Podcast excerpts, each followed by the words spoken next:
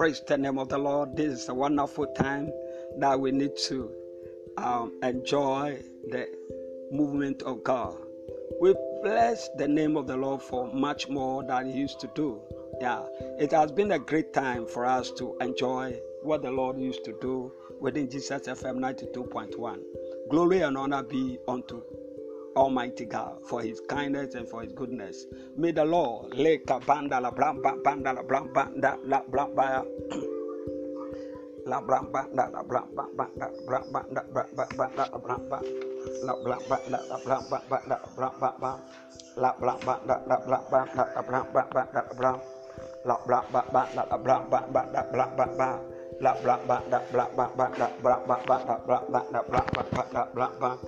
Dak blak bak bak dak blak bak bak dak.